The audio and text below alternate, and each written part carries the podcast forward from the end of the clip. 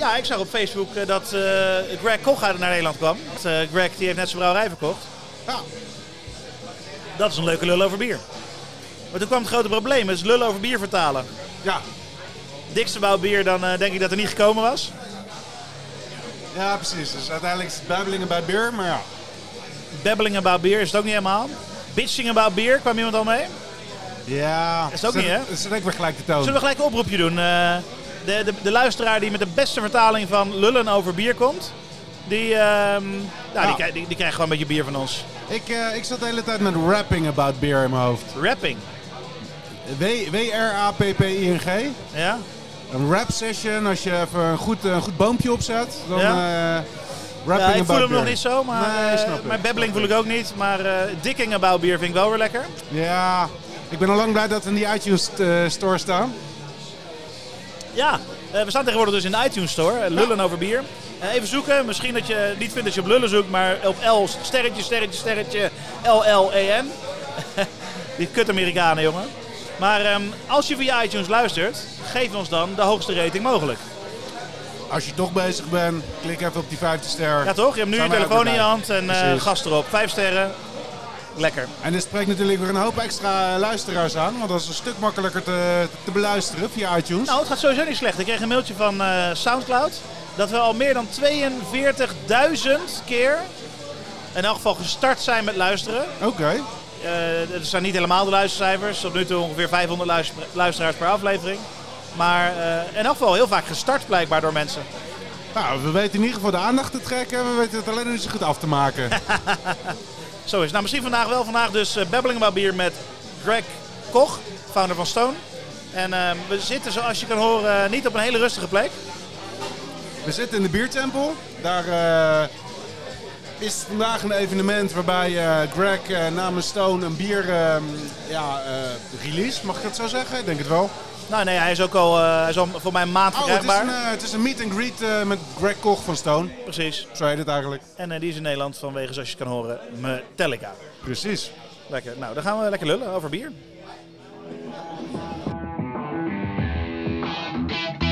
Dit is Lullen over bier, waarbij twee lullen en één gast lullen over bier.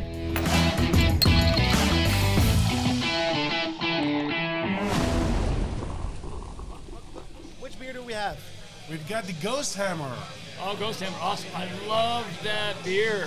Sorry man. I really do. I really, it's, it's. I think the beer I'm most in love with, and oh no, that's hard to say. I can't say that. I actually got it recommended by one of the customers here, so What can, glad you you prove. what can you tell us about the beer?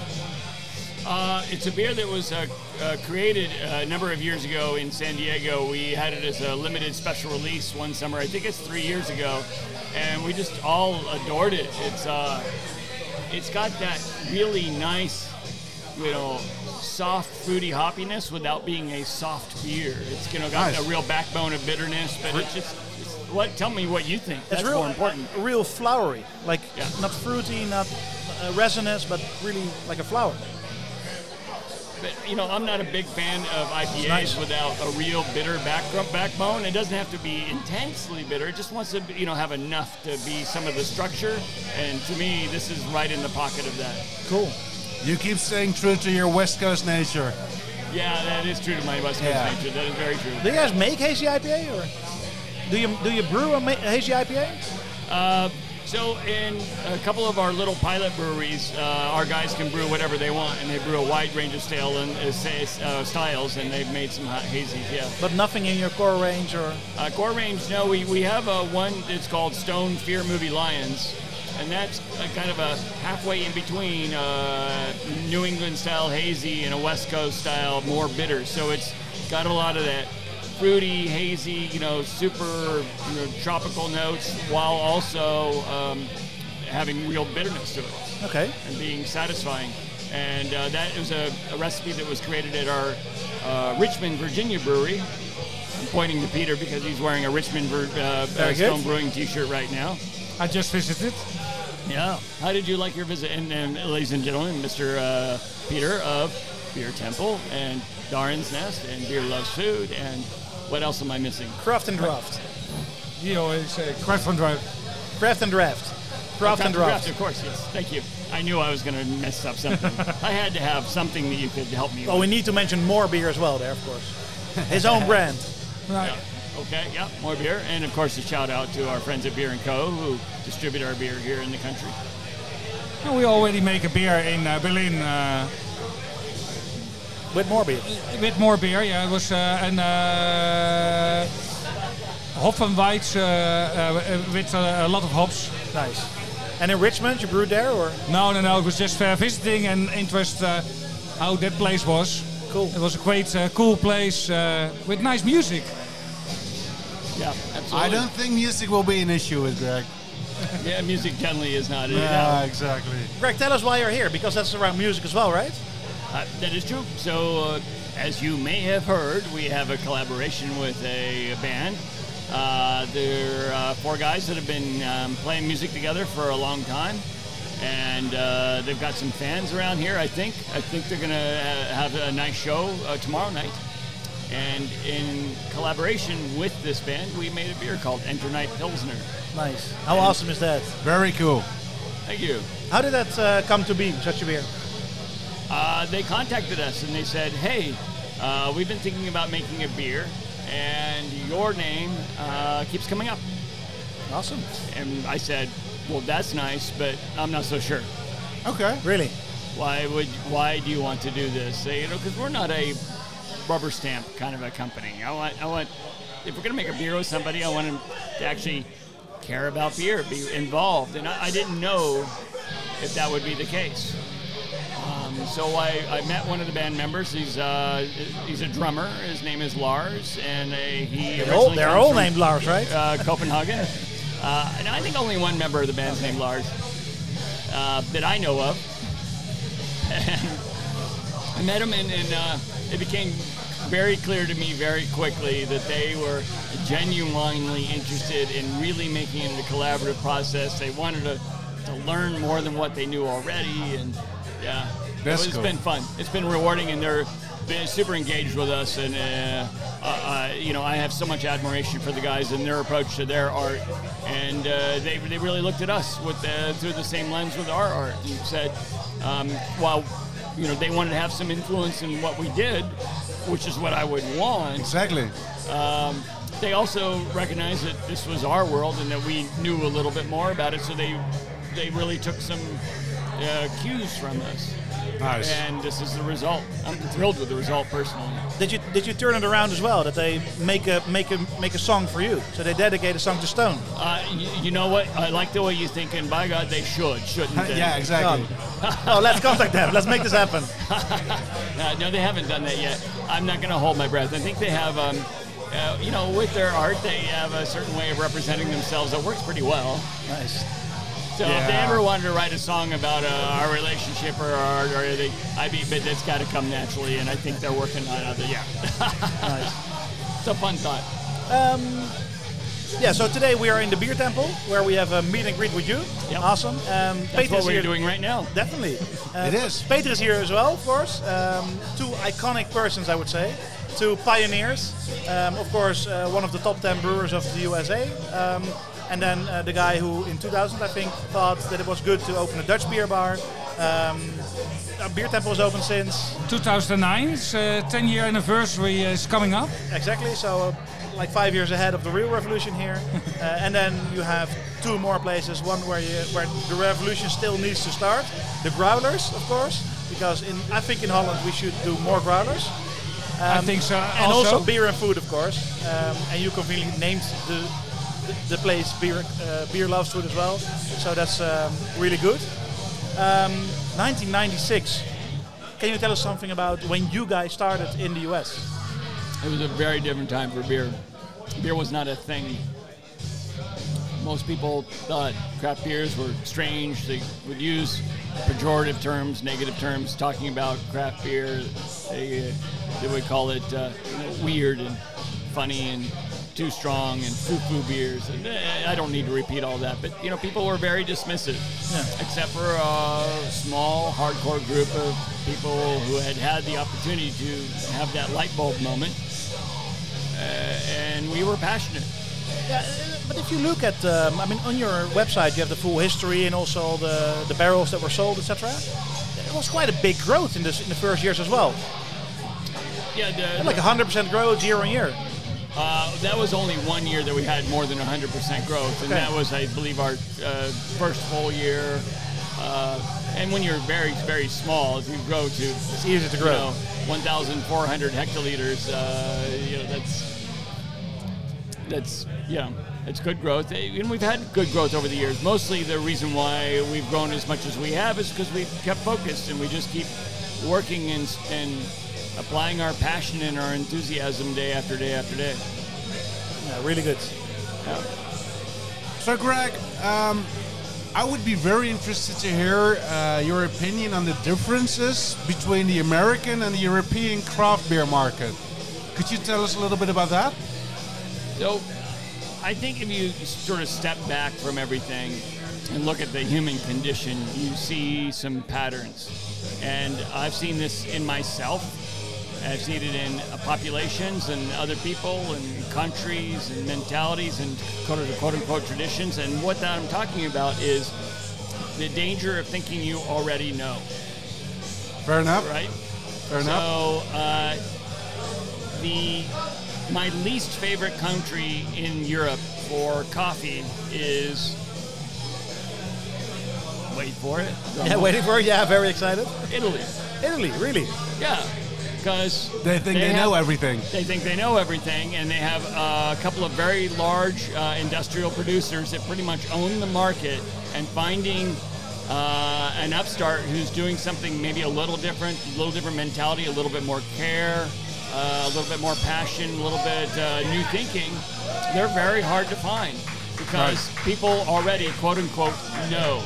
Oh no, I know that this we make the best espresso in the world in uh, Italy.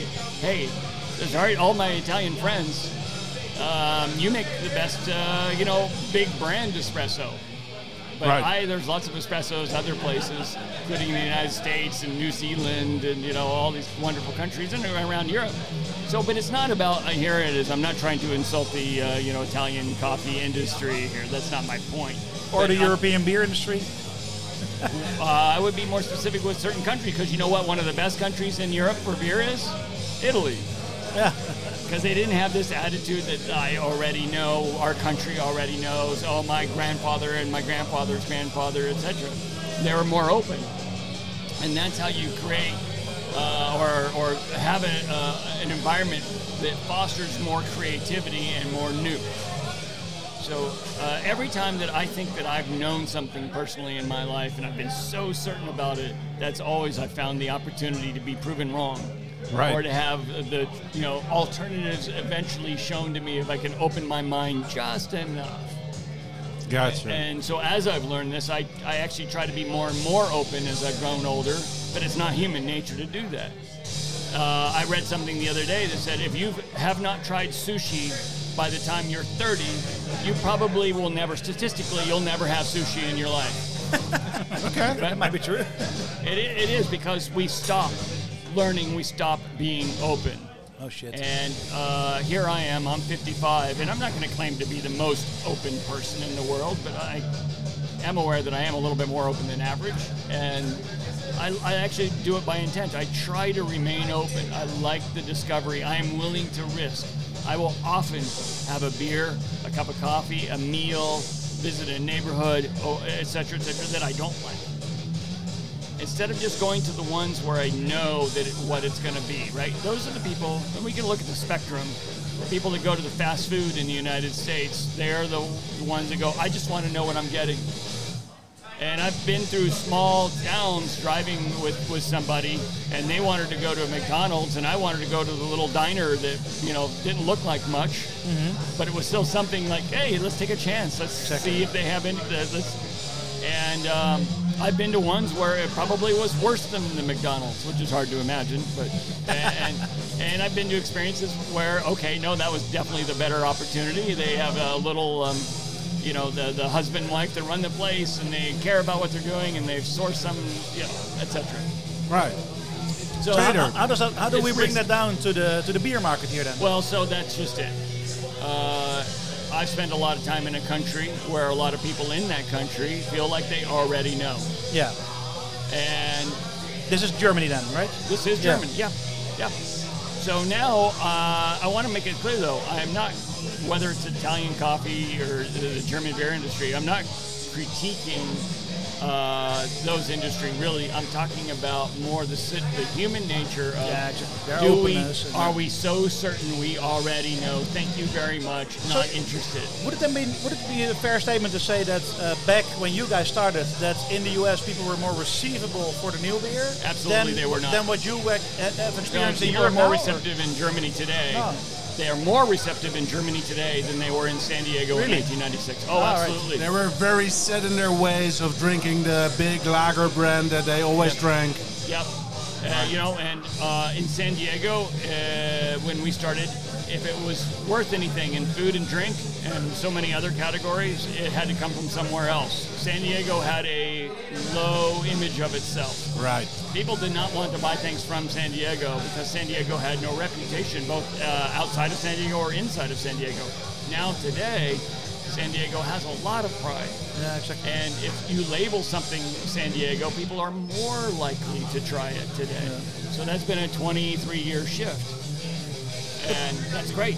Yeah. I, I, that's an environment They that I like took a while to grow some self-esteem to be able to recognize that they can make very good quality themselves. Absolutely, but it also took us some time to learn how to make that quality. So it's they both go hand in hand. As people uh, support quality, that's why the the craft brewing uh, environment in San Diego has grown so much.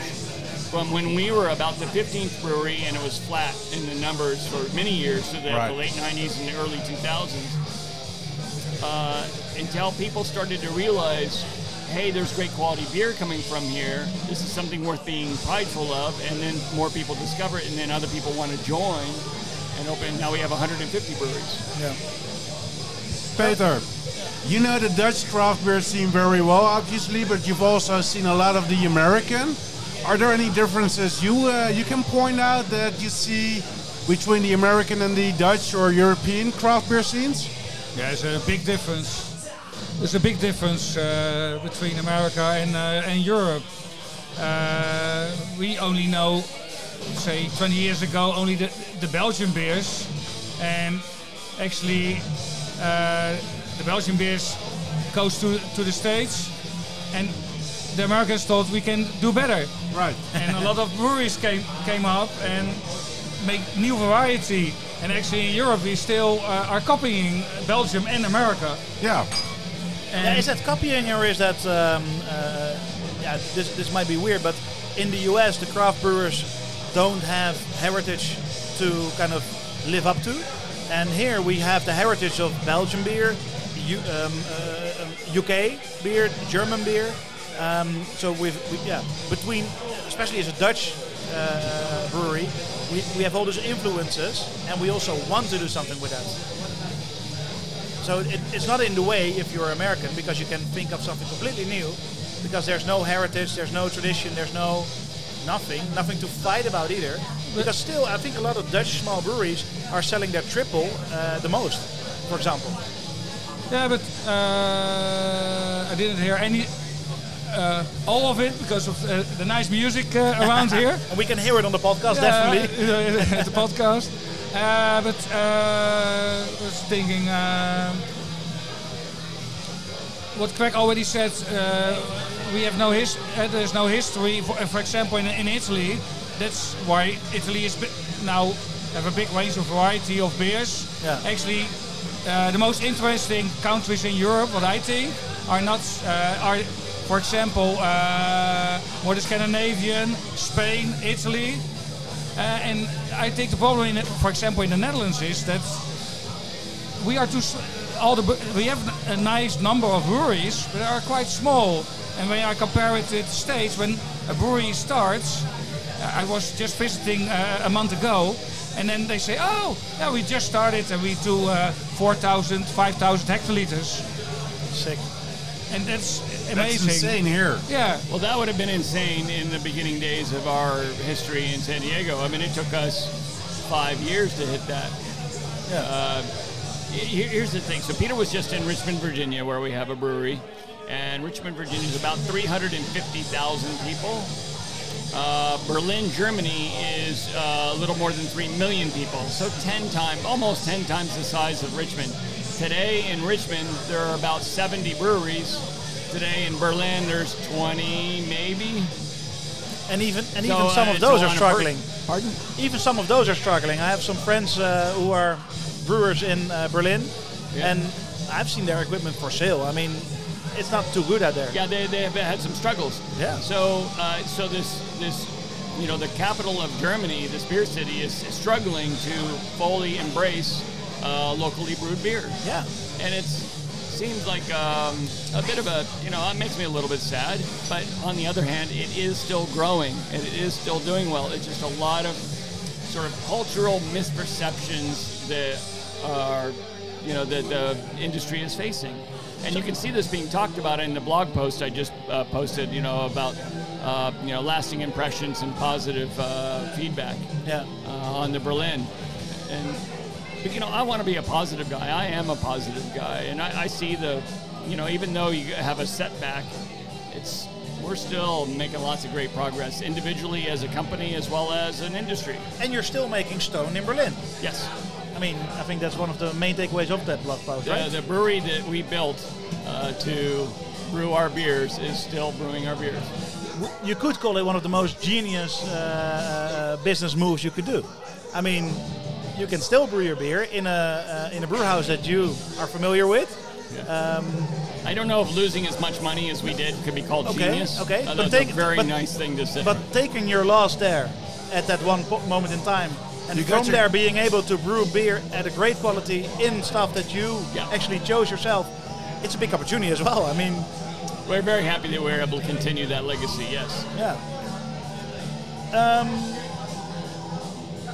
as we are on the Berlin topic, um, that was quite fast as well because 2015, 14 was the first time that you kind of announced that there was a brewery opening there, right? I announced it in 2014, Yeah, and we opened in, In uh, 2016. yeah. So that that like, how could it go so fast that, that you need to kind of step out? Is that something you want to share? Uh, we, we well, I explained it in the, the blog post I wrote. The too big, too bold, too soon. Uh, there was a number of factors. Um, some of it was the, mere fact that it was too big and, and too bold, and some was uh, that the growth of the market didn't happen uh, to the pace that we were hoping. Okay, and that may be combined with the uh, slowing down of the market in the US as well, or Uh, Because that's- that's something that's happening, right? Combined with, combined with, combined with, right? Yeah. There, there was a compound fracture. Because if you look at the US market, um, or at least the, the, the things that I'm hearing and reading and uh, listening to, um, is that I mean I think Brewbound recently or last week came with an article. Uh, Stone is one of the few actually still growing, so congrats on that on the top 50. Uh, but a lot of them are actually declining. Some are flatline, but that's only two, and then there's one or two uh, actually growing.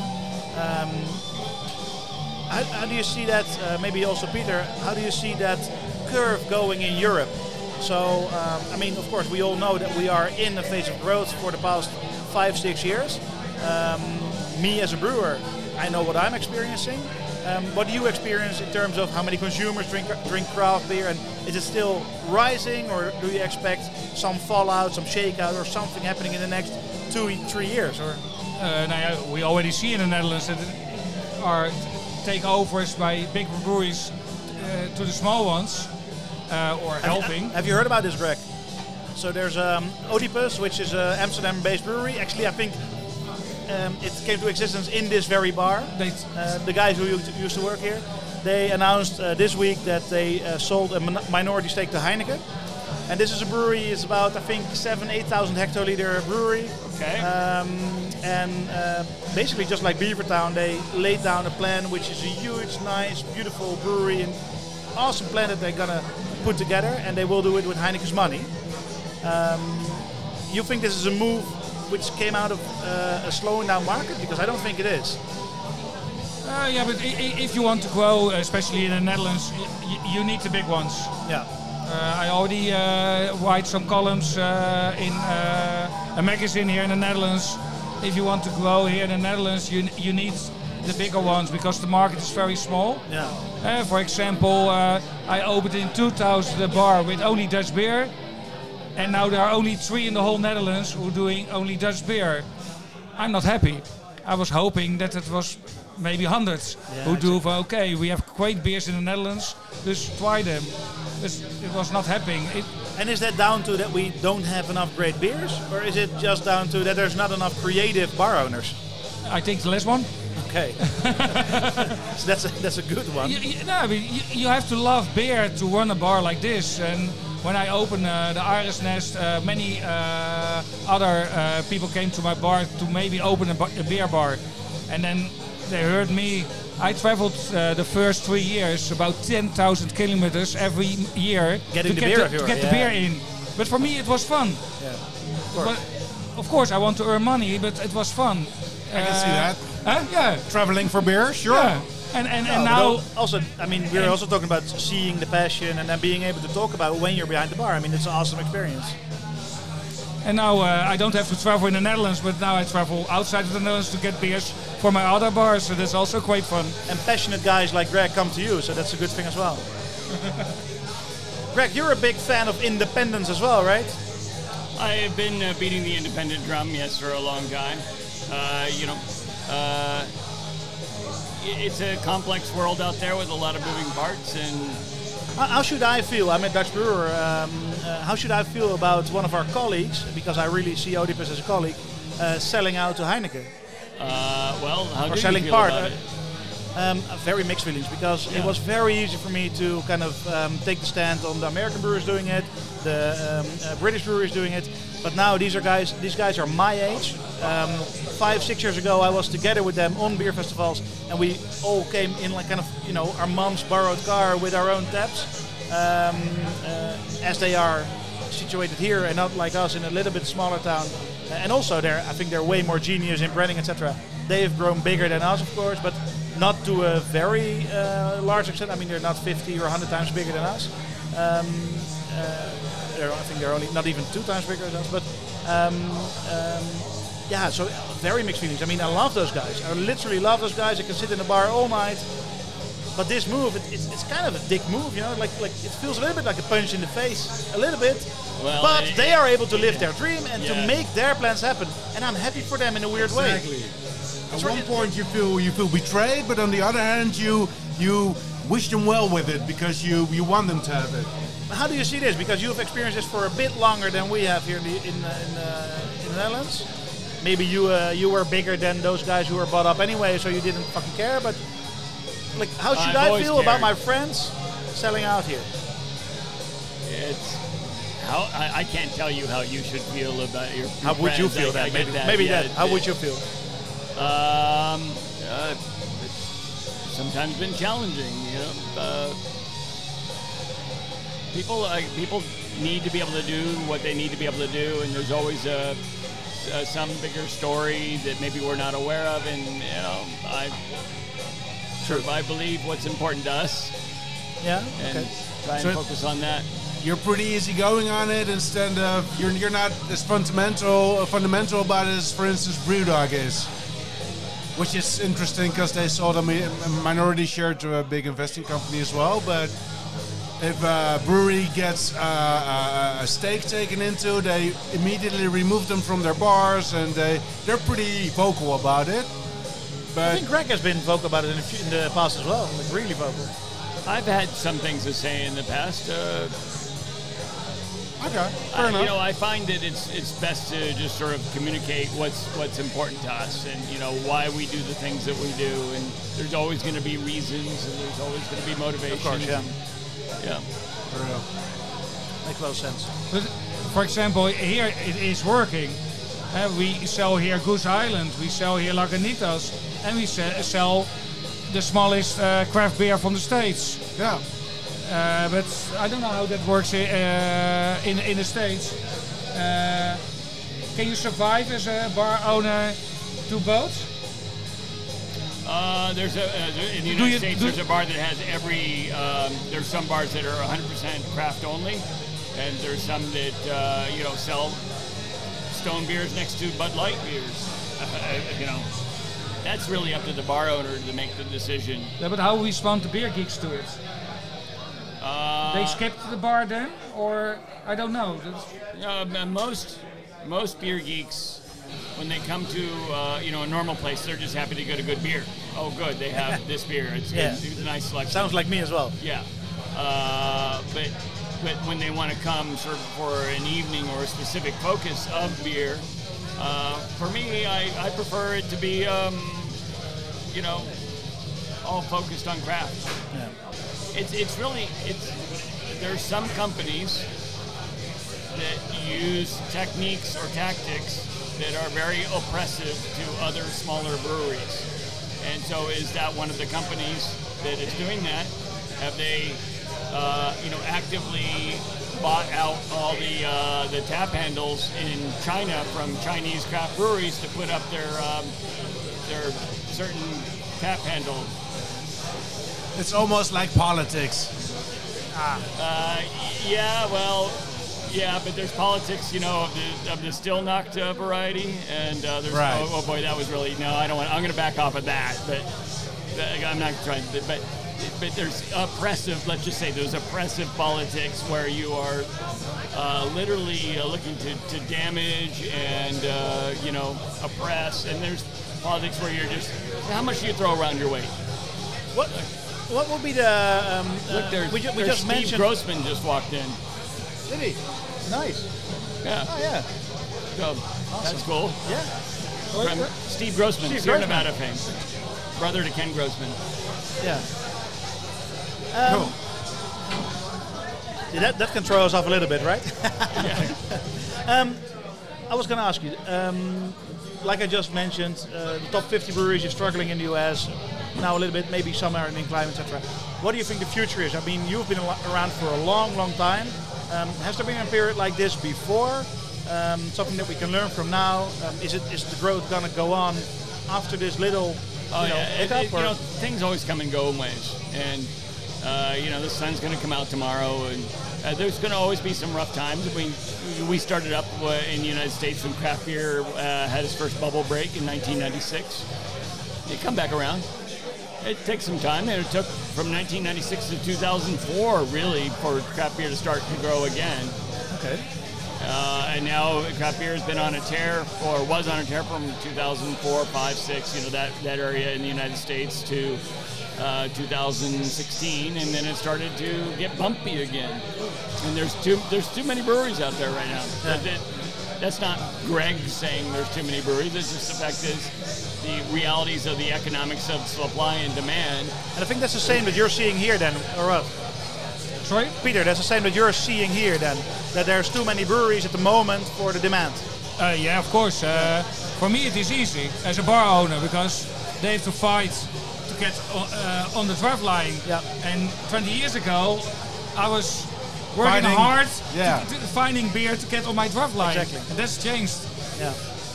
So what, what will the next five or ten years bring then um, in terms of like how far are we going to go here in the Netherlands or in, in the in the I, I uh, think it Europe? will be difficult for the brewers.